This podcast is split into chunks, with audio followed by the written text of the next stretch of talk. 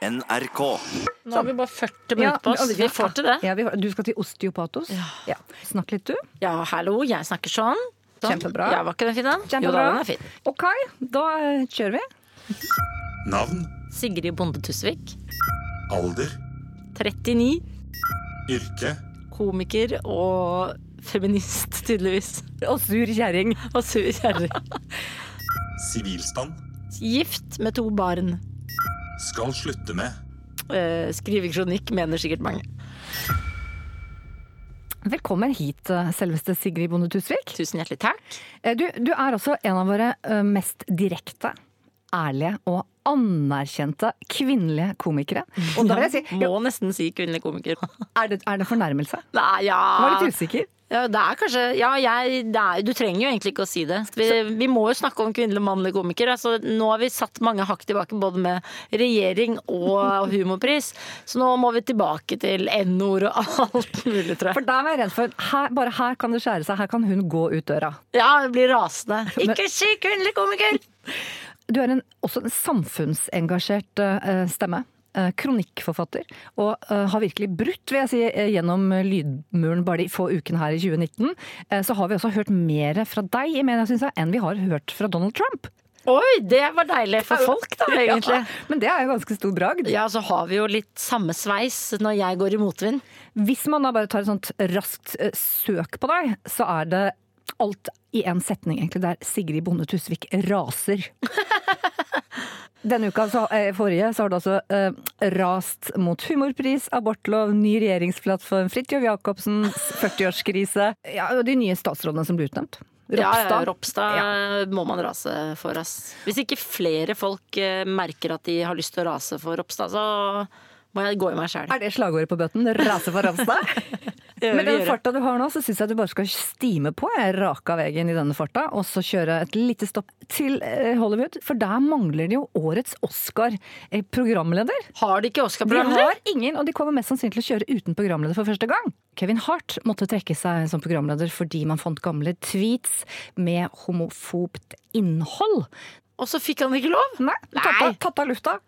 Nei, du kødder. Fordi hvis man blir straffet for gamle rasistvitser og homovitser og N-ordvitser, så sliter vi alle sammen. Fordi vi Det er jo det som er standup-komikeryrket, er jo det at du speiler din samtid.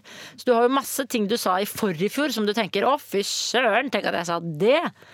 Tenker du sånn? Ja, ja, ja, og det har jeg lært av Sara Silverman, som er en, en av de flinkeste standup-komikerne i USA. Hun sier det. Hun hadde jo også helt forferdelige homovitser før, og så har hun jo masse homovenner, og så lærer man liksom å, det er litt ufint å bare rakke ned på en gruppe mennesker, og så lærer man seg det etter hvert, og så slutter man med det. Vi bare stopper her, så sier vi at når vi begynner nå på lista på de ti punktene, du angrer ikke på noe du har gjort hittil i livet ditt.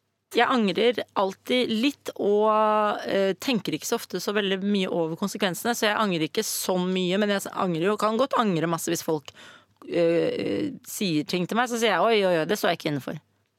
Men du snur ikke kappen etter vinden. Nei, det gjør jeg ikke. Jeg, ikke. jeg tenker alltid at eh, hva ville du gjort hvis eh, landet ditt ble okkupert? Og da tenker jeg alltid hvilken side bør du stå på?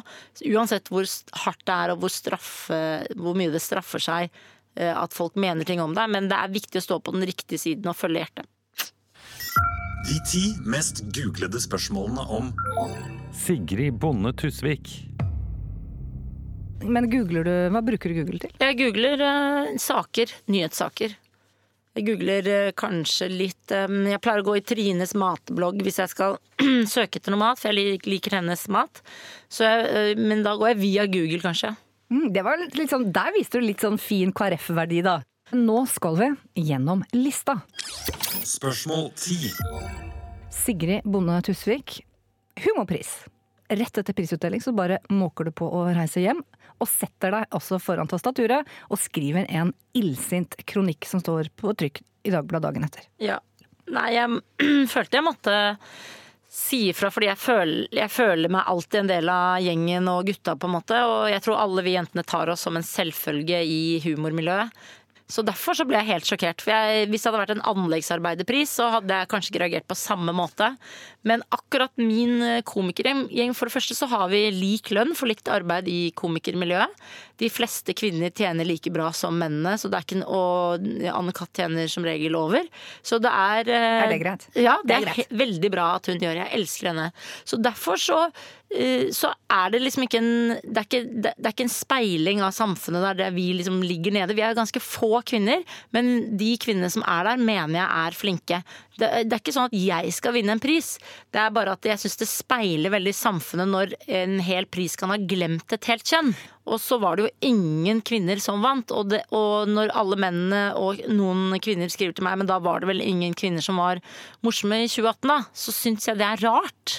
Eh, Men da Jeg ble først og fremst egentlig veldig lei meg, fordi jeg liksom tenkte at eh, dette gidder jeg egentlig ikke å Dette orker jeg nesten ikke at skal liksom være en case i 2019.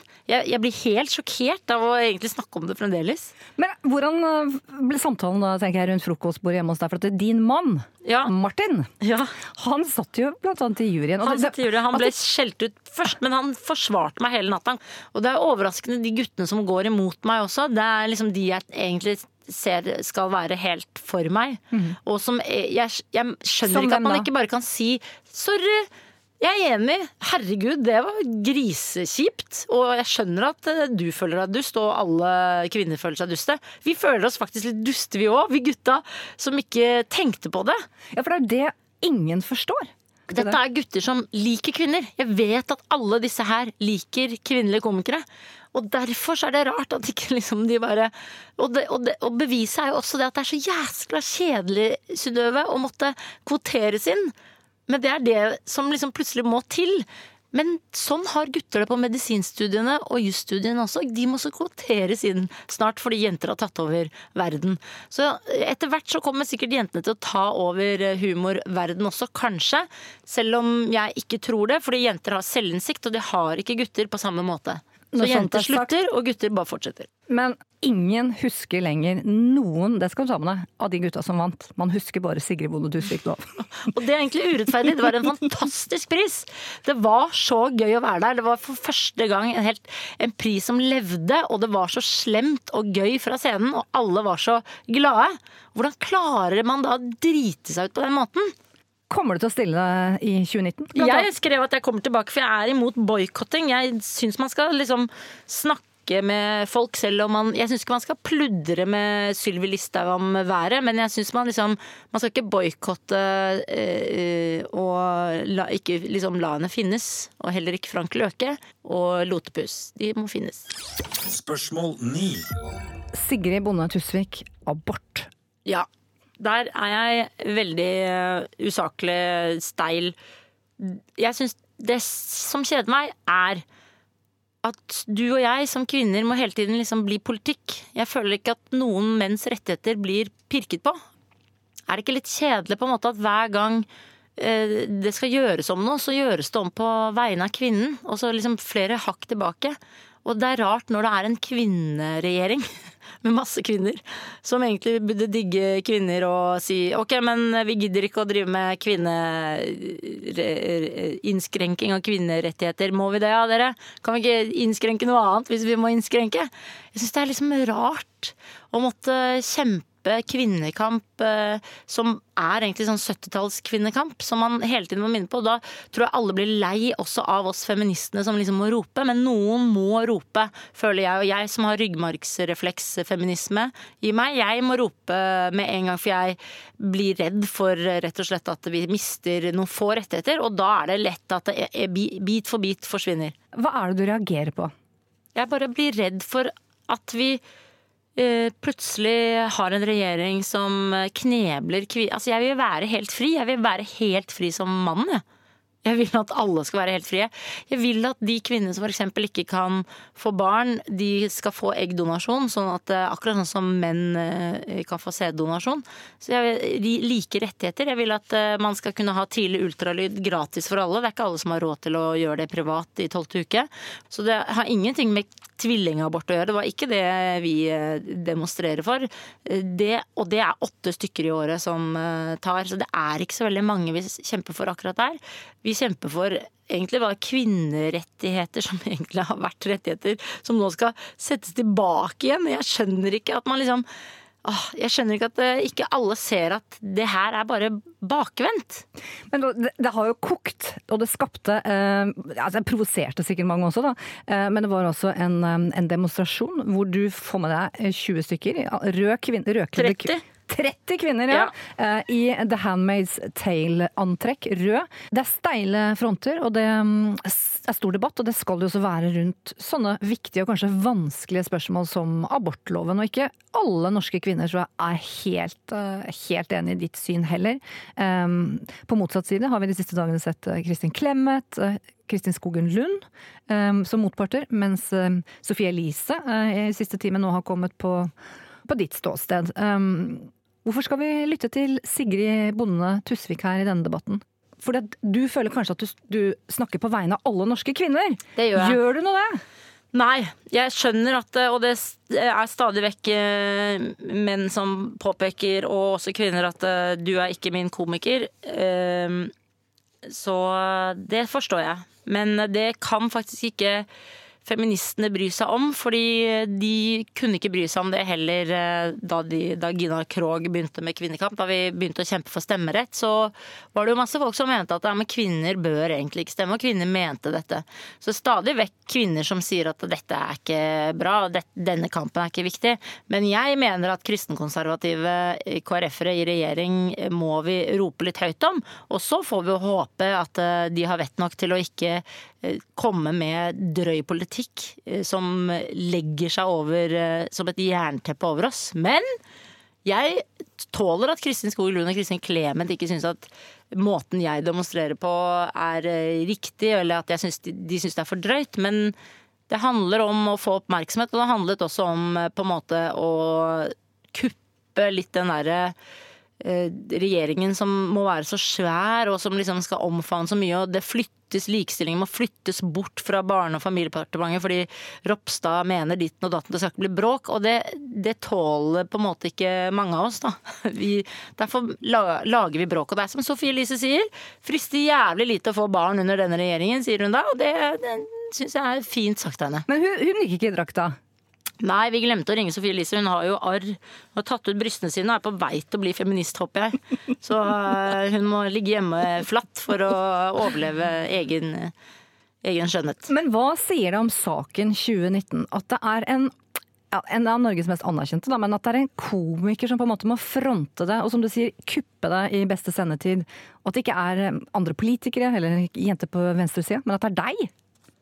Ja, øh, jeg tåler jo veldig ofte eh, å stikke huet fram. Eh, og så tenker jeg veldig ofte ikke på konsekvensene. Sånn som nå når jeg snakker med deg, så tenker jeg liksom ikke 'å nei, det var dumt sagt', og det burde jeg ikke sagt. Jeg sitter ofte og tenker 'det var dumt sagt', men så tenker jeg eh, det er ingen som bryr seg. Fort sendt, fort glemt, tenker jeg alltid. Den forskjellen som er i morgen, den er glemt i overmorgen. Så det er som regel ingen som husker. Du er jo bare hovedrollen i din egen spillefilm, ikke i andres. Så akkurat nå er folk litt irritert på meg, men så går det en uke, og så er man irritert på andre. Og jeg er jo veldig irritert på veldig mange folk. Men når, men når det går så hardt ut som dette, ikke sant? en sånn sak. Um, faktasjekk. Eh, er det sånn at du Får du argumenter på en måte av venstresida, eller er du, sitter du og googler masse selv og leser det opp før du mener noe, eller? eh, Nei, det bare kommer ut, raser ut. Og jeg er veldig dårlig på faktasjekk, jeg. Så jeg sjekker ikke fakta, og jeg syns heller ikke kanskje det er nødvendig eh, for å få oppmerksomheten, for det er andre som skal sjekke fakta. Og det er derfor jeg også ikke stiller opp i debatter på Dagsnytt 18 og i debatten mot Sylvi Listhaug som Politisk kvarter ville at jeg skulle gjøre. Fordi jeg kan ikke gjøre det. Jeg er ikke god nok. Er du ikke da litt luremus som Jo, sier jeg sånn er, en, jeg er ikke luremus, jeg er en sniper. Jeg liksom Ja. uh, ligger i skjul, og så skyter jeg, og så stikker jeg. Og det er feigt, men er samtidig det finnes så-. Hadia Tajik liksom kan heller komme med fakta, da. Eller du er en sånn hare. Du starter oppløpet, liksom. Ja. Ræser på, og så bare står alle igjen. Og så kommer de seige maratonløperne bak, og da satser jeg på at de kan sitt, da. Og man må bruke det man kan selv. Og så tenker jeg at eh, jeg vil jo helst være morsom på liksom Elkjøp sitt julebord. Ja. Ok. Og tjene masse penger. tjene Tjener 50 000. Helst ha stor applaus for det jeg gjør, men nå tåler jeg også ikke få noe applaus. For du fikk ikke noe penger for det stuntet her. Fikk jeg tjente masse penger. det var gøy hvis jeg gjorde. Jonas Gahr Ja, betalte Jonas Gahr betalte svart. 000. Ja, ja. Selvfølgelig. Men Det lå eh, under brygga hans. Eh, nå snakker du nesten som en politiker. og- Ja, det var dumt. Nei, for at det skal inn på det nå. Jeg leste et sted nå at du faktisk har blitt spurt om du kunne vurdere å gå inn i politikken. ja, Jeg blir spurt ofte, i hvert fall sånn fans spør meg mye sånn derre Å, du må bli politiker. Men det er jeg jo eh, for sint. Altså, da blir jeg jo i Liv Signe Navarsete-land. Og nei, jeg blir, det Liv Signe Jeg, jeg er Ja, rasende som Liv Signe. Men er det jeg har jo vestlandsblod, så jeg har ikke grenser. Jeg kan ikke være i politikken fordi jeg syns også det virker kjedelig med de der eh, folka som står bak og sier hva du skal mene. Er men, men er du blitt spurt av et politisk parti? Eh, nei, det håper jeg ikke. Da har jeg ikke lest den mailen. Jo, kanskje jeg har. SV er jo veldig på meg ofte og spør meg mye om jeg kan gjøre ditten og datten. Jeg er veldig glad i SV. Jeg liker at de alltid har kjempa for miljø, lenge før det ble inn. Og de er eh, for likestilling alltid. Og de kjemper upopulære saker. Det kjenner meg, jeg meg veldig igjen i. Jeg vet at du stemte Venstre ved forrige stortingsvalg, men betyr det nå, da kan man anta etter å ha hørt så langt på podkasten, at du er en SV-dame? Ja, jeg er jo egentlig det, fordi, men jeg stemte jo Venstre fordi jeg var livredd for for å få Frp i regjering. Så jeg tenkte at jeg må stemme Venstre for å få masse Venstre inn i regjeringen, sånn at det ikke blir Frp-tungt. Bomma jeg litt der, da. Noen spør er du et um, nyttig redskap, er du en nyttig idiot? Ja. Sigrid Bonde Tusvik. Det er jeg absolutt. Jeg er en nyttig idiot som kan brukes til mye. Og bare legg på en tier, så smeller jeg ut en kronikk om hva som helst. Bare send meg en melding og si nå må du skrive kronikk om eh, drap av mink, og da er jeg på ballen. Men så er det sånn at du nevnte Listhaug, og Sylvi Listhaug hun har jo tatt dette veldig som en gavepakke. Ja. Og det har jo stått opp og ned da, eh, at hun reagerer og mener at det bør være viktigere ting for feminister i 2019 å å stå på barrikaden for Ja, men det, det handler ikke om tvillingaborten, egentlig, dette her. Så, men menigheten hennes henger seg opp av det, fordi det er jo veldig sånn bestialsk. De har den plakaten med at det, så stikker de en nål inn i hjertet på den ene tvillingen, og så venter de mange minutter, så dør den tvillingen. Det er ikke det det handler om. Da er det litt som humorprisen, at å, du er sur for at du ikke vant pris. Sånn, Det handler ikke om Man må se det store bildet, og derfor så kan jeg ikke stille opp sammen med Sylvi Listhaug, for jeg syns ikke Sylvi Listhaug på en måte trenger en oppmerksomhet på noe som har med dette å gjøre. Hun sitter faktisk ikke i regjering, så hun har ingenting med dette her å gjøre. Og at hun kan sitte med sin lille gjeng og knastre på tastaturet, er veldig bra at hun kan gjøre, fordi det er ytringsfrihet. Og så sitter jeg og knastrer på tastaturet og er usaklig på den andre siden. Men du mener jo nærmest at istedenfor at dere brukte da The Handmaid's Tale, at det var skivebomma drakt, at du nærmest bare kunne ha brukt kyllingdrakten til Bård Tufte. Er du enig i at, at det var litt spiss, litt feil å bruke Jeg mener at det er et brukt opp eh, virkemiddel. I USA eksempel har de jo brukt Handmaid's Tale-ene i veldig mange demonstrasjoner. I Paris så eh, går de uh, barbrysta og er eh, i demonstrasjoner. Altså, Hvorfor er- gjorde de ikke det? Ja, det burde vi gjort egentlig, men det hadde Føler at det blir flere demonstrasjoner i denne, under denne regjeringen her. Så jeg, jeg føler at Sylvi Listhaug og jeg eh, kan mene hva vi vil om hverandre. Men du, Det var litt sterkt eh, uttrykk, men eh, det er jo eh, ofte det det er når man skal stunte noe. Ja. Og så, du, har hun også skrevet så her på Insta at hun mener at den innsatsen på Slottsplassen um, ligger Dette er jo litt sånn ja, Var hun fornøyd med seg selv? Men altså da, den ligger til rette for at du kan vinne pris under Humorprisen neste år. Og hvis ikke Morten Ramm anerkjenner denne innsatsen, så blir hun med å demonstrere med deg foran Slottet.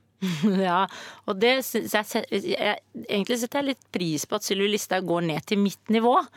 Og, og er eh, komiker, hun også. Og det er, selv om jeg ikke er hennes komiker, så vil jeg faktisk si at hun seiler opp som min komiker nå eh, i framtida. Hvis Lisa Tønne blir værfast på Værnes en dag, så Da kan han steppe inn. Så blir det Tønne, nei, Tusvik og Listhaug. Og det hadde vært nydelig. Gjør det én gang, da, i hvert fall. Ja, jeg er enig. Ja, jeg hadde egentlig lyst til å svare det til eh, Politisk kvarter. At eh, hvis eh, Sylvi Listhaug stiller opp på en komikerkveld med meg, så stiller jeg opp hos, i Politisk kvarter.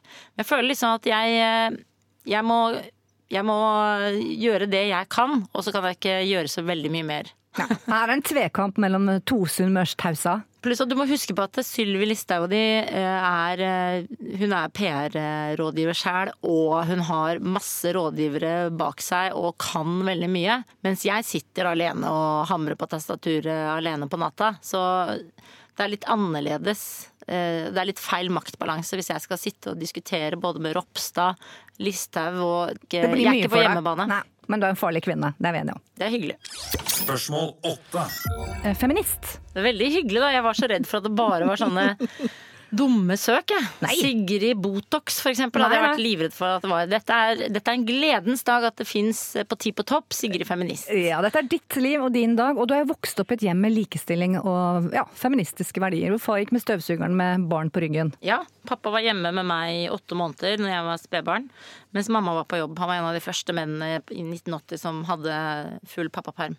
Du, um, du ønsker også å være et bra forbilde uh, i forhold til skjønnhetstyranniet som er altså over oss everywhere. Og nå sist så hørte jeg på podkasten deres, uh, og og da er det dette rumpehysteriet. Altså, Ja, Lisa er opptatt av rumpe, bleking av rumpehull. Det tror ikke jeg er et så stort problem. Jeg syns det er et større problem at jenter nå bygger rumpe.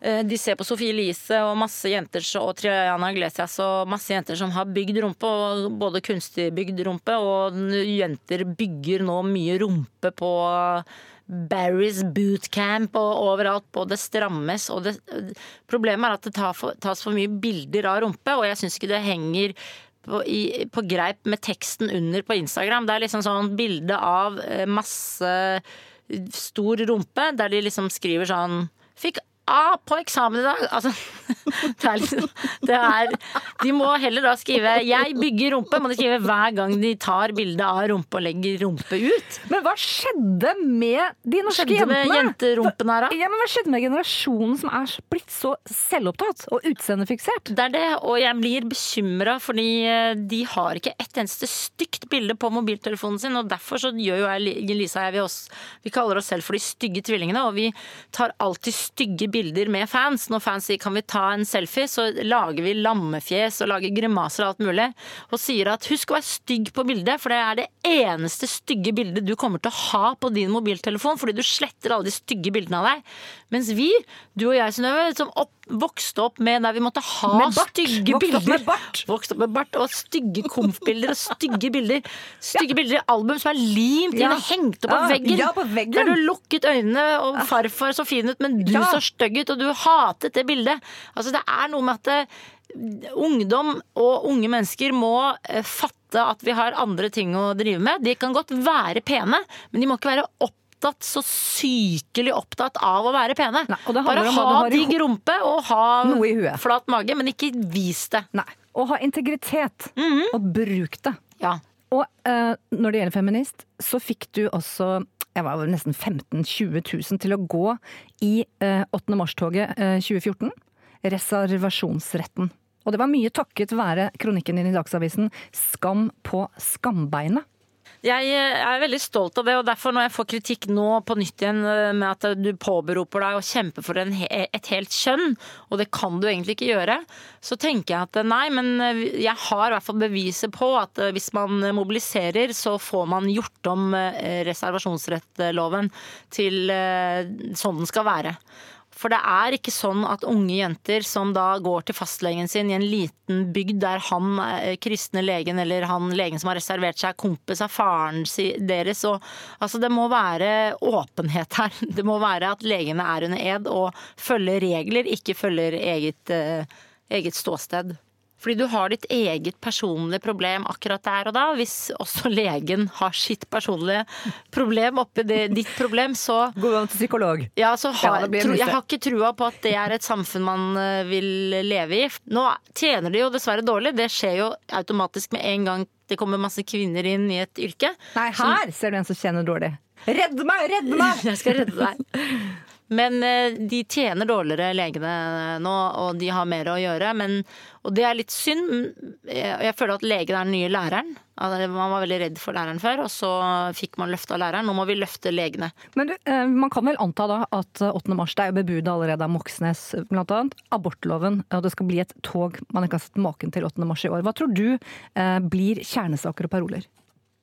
Det er jo Ropstad da, og kristenkonservative holdninger, selvfølgelig. Så blir det jo eh, all, alt det de har nå blokkert av lover som eh, handler om kvinners eh, helse. Så det er Det blir bra tog.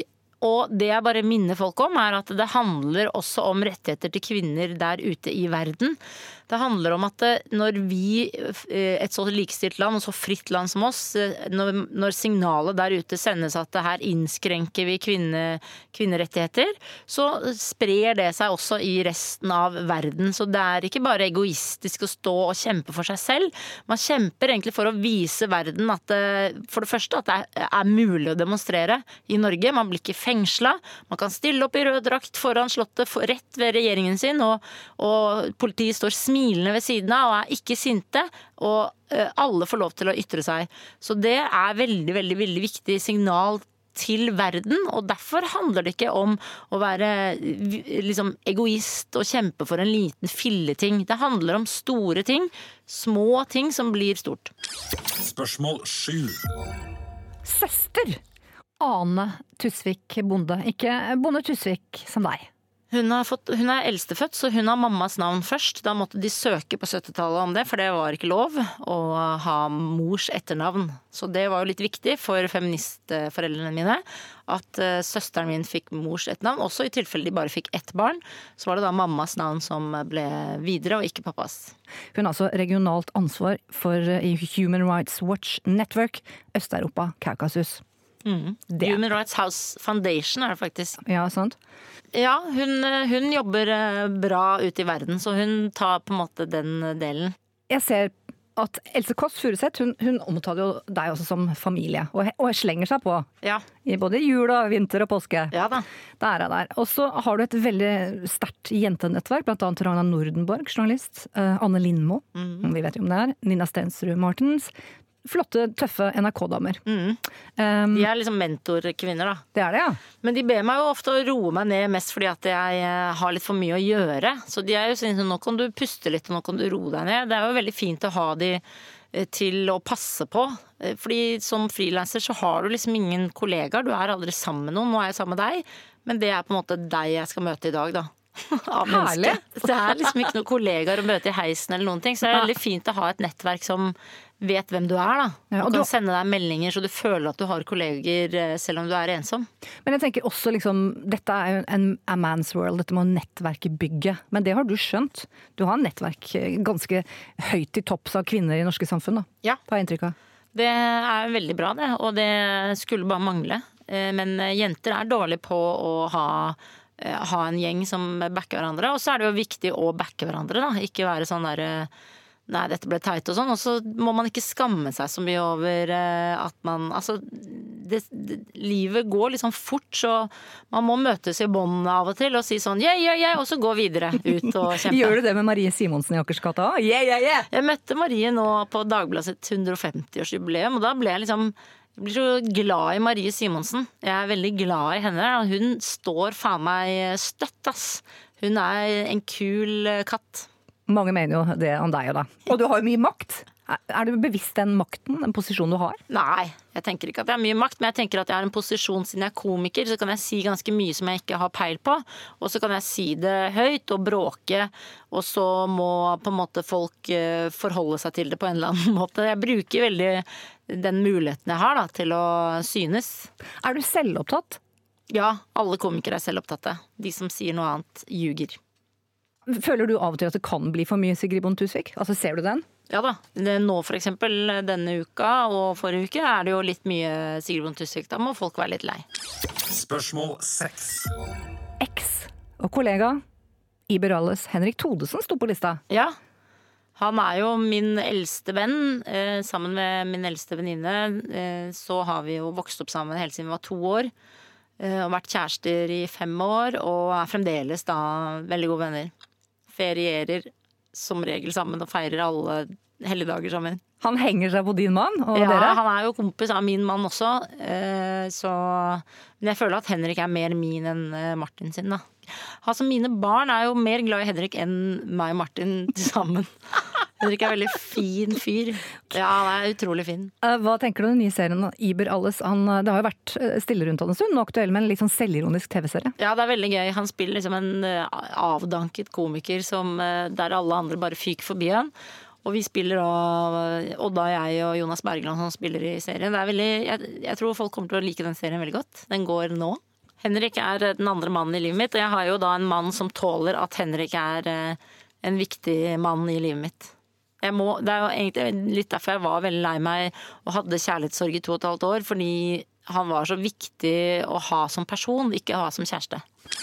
Spørsmål fem.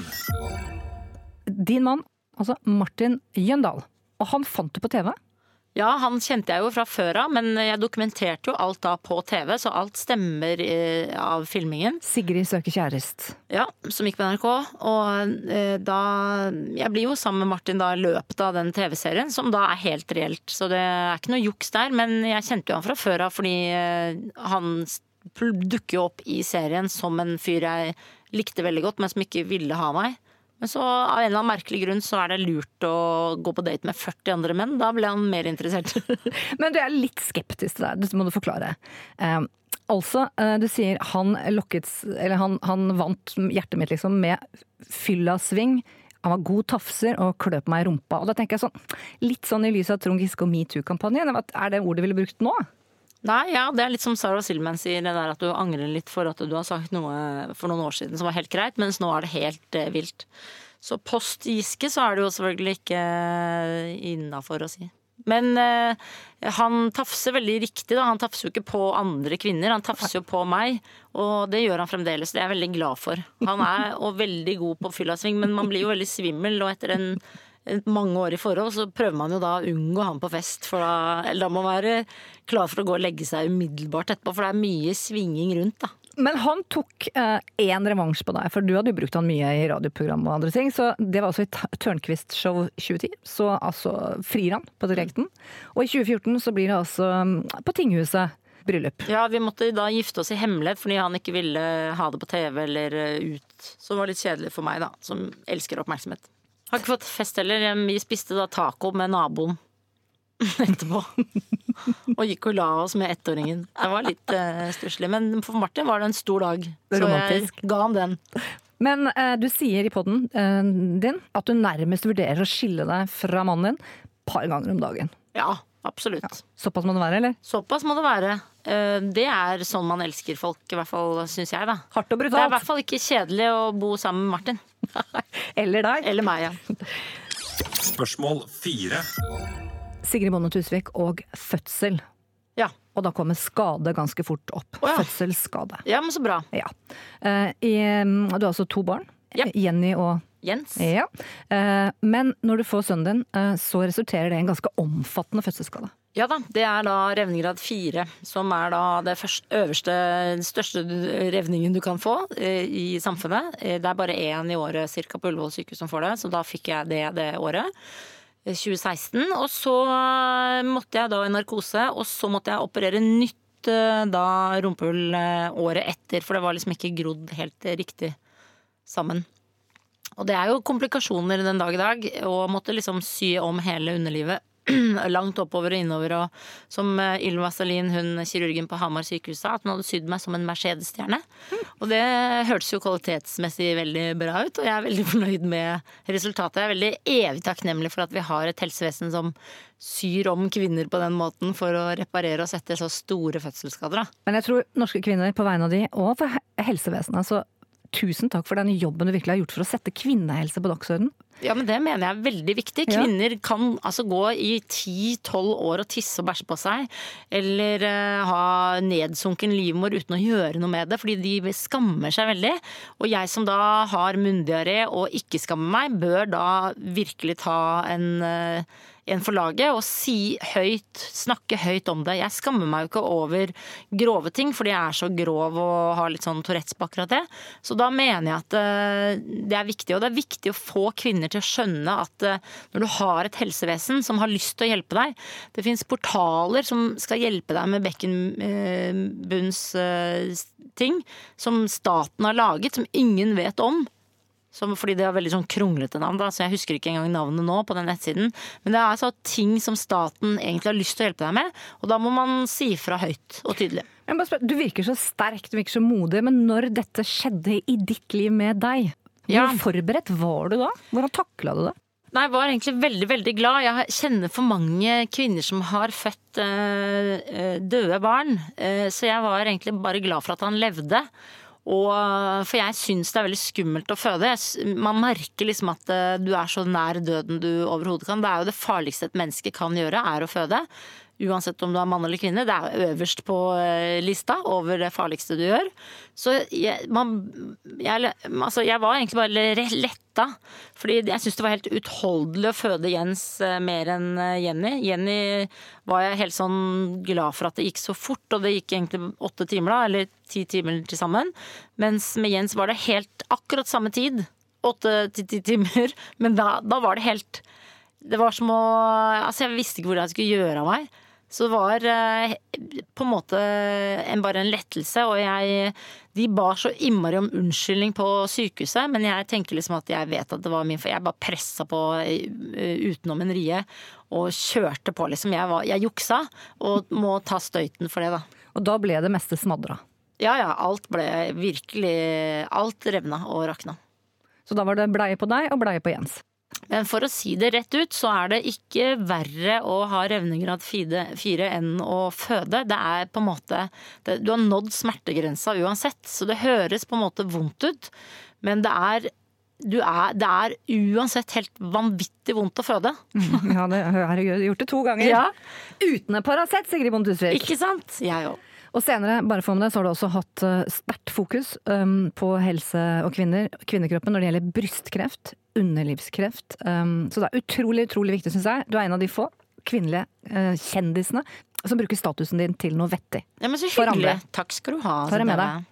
Kudos, kudos til Tusvik. så bare sånn summen på den.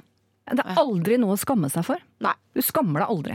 Jo, jeg skammer meg ofte, men jeg må på en måte si at herregud, det er ikke så viktig. Kom deg ut av ditt ekte rumpehull, og kom deg opp i verdensrommet. Hele kloden brenner, nå må du holde kjeft. Ikke tenk på at det, det Å, dette var veldig dumt av meg å gjøre.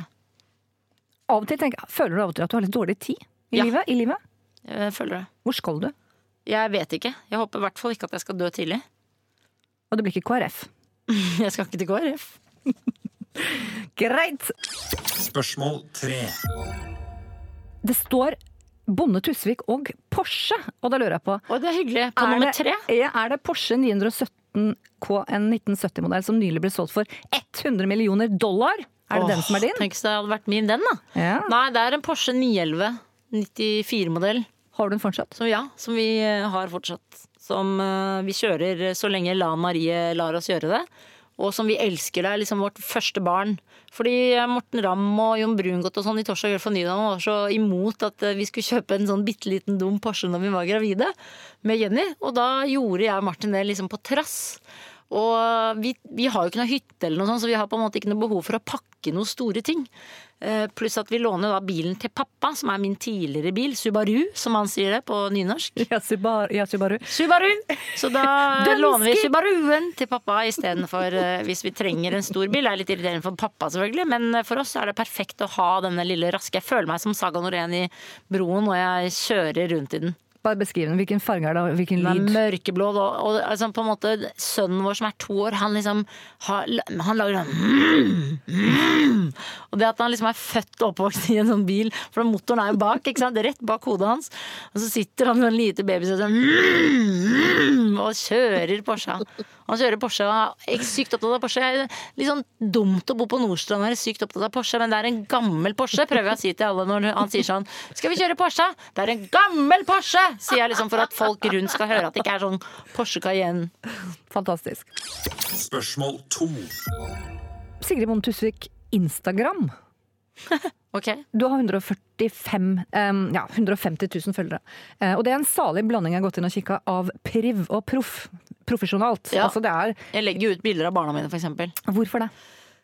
Så lenge de på en måte er gøyale uten at de blir filmet i en sånn nedrig situasjon der de gråter eller liksom er nakne eller et eller annet sånt, så tenker jeg at eh, de skjønner at det er en stolthet at man har lagt dem ut. Litt som at man henger opp bilder av dem på veggen og har lyst til å vise bilder av barna sine eller har lyst til å liksom Det er en eller annen stolthet, da. Og så hvis de hater at de er lagt ut som små barn, Når de blir store, skal jeg gjerne fjerne det, men eh, jeg håper og tror at mine barn syns de også selv er søte når de blir så store at de ser på seg selv som små barn. Men den dagen de liksom er store og ikke er vits i å filme, så filmer jeg dem ikke. Men, men det, er, um, det er ikke bare Det er ikke bare privatting. Det, det er jo veldig mye jobb òg. Og øyeblikk med deg og Lisa Tønne òg. Det er veldig mye Lisa Hva, Tønne, hva føler jeg. Hva tilbyr du her? Jeg tar hensyn til Lisa Tønne også. På, hvis hun ikke vil bli filmet, filmer jeg henne ikke.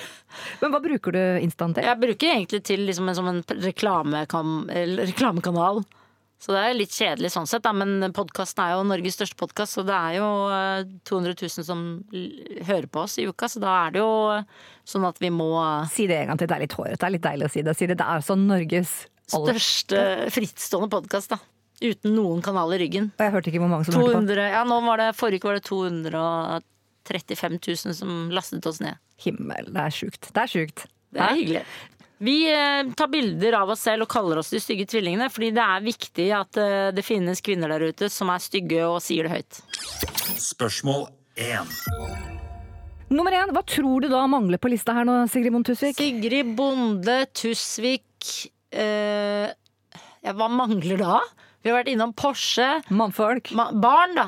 Nei, Nei. vi var jo litt innom det, så det er kanskje kronen, juvelen. Kronen på arbeidet. Det er noe du har klart selv. Det aller mest googlede spørsmålet er Det er podkast! Hey! Det er bra. Tusvik Tønne! Så hyggelig. Hvor mange år har dere holdt på? Seks og et halvt år har vi holdt på. Når, Hver uke året rundt. For det er viktig når man lager en podkast at man ikke gir seg. Folk eh, har deg som en vane. Som om de trener en gang i uka, så hører de på deg en gang i uka. Eller vasker huset en gang i uka, så hører de på deg en gang i uka. Så man må liksom være der hele tiden for folk. Okay. Må ikke stoppe. Ha Selv ferie. ferier Ja, da lager vi ekstra. Ja. Um, når følte du at det liksom tok av? Når breaka det? Det breaka vel for tre år siden. Eh, Da begynte det å liksom bli flere og flere som hørte på. Dere deler raust av oppturer, men også nedturer i eh, egne private liv. Og um, mange var det nok som satt med tårer i øynene og klump i halsen. Um, Norge sto litt stille den dagen da dere slapp podkasten hvor Lisa Tønne altså fortalte om eh, utroskapen hun opplevde i sitt samliv. Eh, Den mest nedlastede episoden vår. nå eh, har du også makker Lisa Tønne premiereklar i Trondheim, er hun ikke det? 26. januar eh, er hun da Tordenskjold på, på Trøndelag Teater, spiller hovedrollen der og skal spille helt ut i juni. Og de har solgt helt maniac mye eh, billetter. Og jeg, har, jeg tror at det bare er av Lisa Tønne. Det sitter mye pungfolk i salen. 27 000 billetter nå, tror jeg, som bare gleder seg til å se Lisa med bart. Men hvordan skal dere gjøre opptakene da? Vi gjør det nå, Hun har bodd der siden november, så vi gjør det da hun sitter i et studio, Munch Studios oppe i Trondheim, og jeg sitter på Nitro i Oslo. Akkurat, det er såpass. Så limer vi sammen. Hver sin by. Det er fantastisk at det går. Det er, livet er blitt så bra. Den tekken er blitt så bra. Men der er det altså et klar tale og litt gråsone. Det, er det er jo noen ganger folk kan tenke sånn herregud, nå blir det en jurysøksmål. Ja, Du har følt det sjøl. ja, det gjør vi hver uke, egentlig. Jeg er overrasket over at det ikke blir det, men uh, vi sier liksom såpass mye. At uh, da blir det så mange. Det er så Så jeg vet ikke om folk Og så er det på en måte. Altså jeg, liksom, vi er kjappe på det, og så kritiserer vi oss selv ofte liksom, at man ikke kan altså at Jeg sier f.eks. at jeg er et forferdelig menneske, og fansa skriver sånn Selv om du er et forferdelig menneske, Sigrid, så er vi veldig glad i deg, da. Det liker jeg veldig godt at eh, folk eh, omtaler meg som et forferdelig menneske. Og hvis vi sier det gang på gang, at vi, er for, at vi er forferdelige mennesker og stygge tvillinger, så kan man også si forferdelige ting, og folk skjønner at det er humor. Vi prøver å være morsomme først og fremst, og også engasjerte, og lære folk hva vi mener er riktig oppførsel i samfunnet. Og Lisa er veldig opptatt av det indre, og jeg er veldig opptatt av det ytre. Så vi er to motpoler som passer perfekt sammen med grunnleggende riktige verdier, mener vi da. To gode venner du vil ha i livet ditt. Ja. Og dere boltrer dere rått og hemningsløst i aktuelle saker og med aktuelle mennesker eh, der ute. Kan du høre et klipp fra forrige ukes podkast med Tusvik og Tønne? Jeg skjønner at forelskelse kan ødelegge en hjerne, både mannehjerne og kvinnehjerne, og det har ingenting Ja. med kjønn å gjøre. Men det er veldig trist å miste Fridtjof Jacobsen i VG. Hvis du skjønner, og han har midtlivskrise. Han, hvis du så han på Lindmo synge med det dumme bandet Glucifer, han står rett opp og ned som en saltstøtte og synger sånn Må bare spiller vi, og jeg er, jeg er eh, vokalist, da. Men jeg, kan, jeg har ikke rytme, men jeg er liksom Hva er det han kaller seg igjen når han er vokalist? Det er Meatballs eller et eller annet. Trenger ikke å dra helt ut i verdensrommet der. Spol tilbake på Lindmo, se hvor dum du ser ut på det dumme midtlivskrisa di. Kan du ikke bare holde det innad i gruppa, da? Må vi andre plages med dette? Ræle! Mange syns dette er drøyt. Men hva, hvor, tenker dere gjennom hvor, hvor langt dere kan gå? Nei. Nei, bare Det er jo noe du laster ned frivillig. Nå spilte vi jo, altså nå fikk folk i fleisen, så det var litt urettferdig egentlig. Mens eh, ellers er det jo noe du eh, laster ned. Og så er det jo, Dette blir jo da tatt ut av kontekst, men hvis du hører en hel time, så tåler du dette lettere enn hvis du hører det sånn plutselig midt i fleisen. Og så mener jeg jo at det er lov å tulle med en som da offentlig har en midtlivskrise, eh, og er en offentlig person, så må folk eh, muligens tåle det. Sånn som jeg tåler eh, nesten all kritikk jeg får. Du, helt til slutt, er det, er, det, er det ting du aldri ville tulla med, Sigrid Bonde Tusvik? Nei, jeg tuller med absolutt alt. Og jeg bommer mange ganger òg, og i podkasten tuller vi i hvert fall absolutt med alt. Men jeg tuller ikke med Jeg står ikke liksom på firmajobber og skal være den drøyeste drøye drøye. Så jeg håper jeg liksom Jeg, jeg klarer å se, se an min besøkelsestid. Eh, dere har nå fått konkurranse. Man har skjønt at dette vennekonseptet det funker to venninner. Så nå, nå er- skyter det jo litt opp på sida her. Synnøve Skarb og Vanessa Rudior skal fylle Rockefeller fire-fem ganger osv. Mm. Føler de har rappa litt uh, ideen deres? Alle rapper. Harma Hegeseth, uh, Vanessa Synnøve. Alle rapper. Og det må man på en måte tåle når man står øverst på pallen. Og så må man sikkert miste pallplassen etter hvert også, fordi uh, sånn er eh, det harde livet. Men eh, det er det, det er jo hyggelig å på en måte være kopiert, selv om jeg håper at folk klarer å lage sin unike stil, og ikke bare lage kopi. Og det er bare dere som har menigheten Pungfolket. Ja, Hvor mange, mange fans har dere? jeg vet ikke. Eh, altså, vi har jo solgt 45, 45 000 billetter på showet vårt, altså kanskje vi har Sikkert noen i KrF som smuglytter, og det kan hende jeg har en følelse av at Listhaug også. Hun tar, hun tar seg en liten joggetur og hører på Sigrid. Orker hun det? Ja, det orker hun. Alle orker det. Ok, men da, da må vi snart lage en Tusvik og Listhaug-podkast.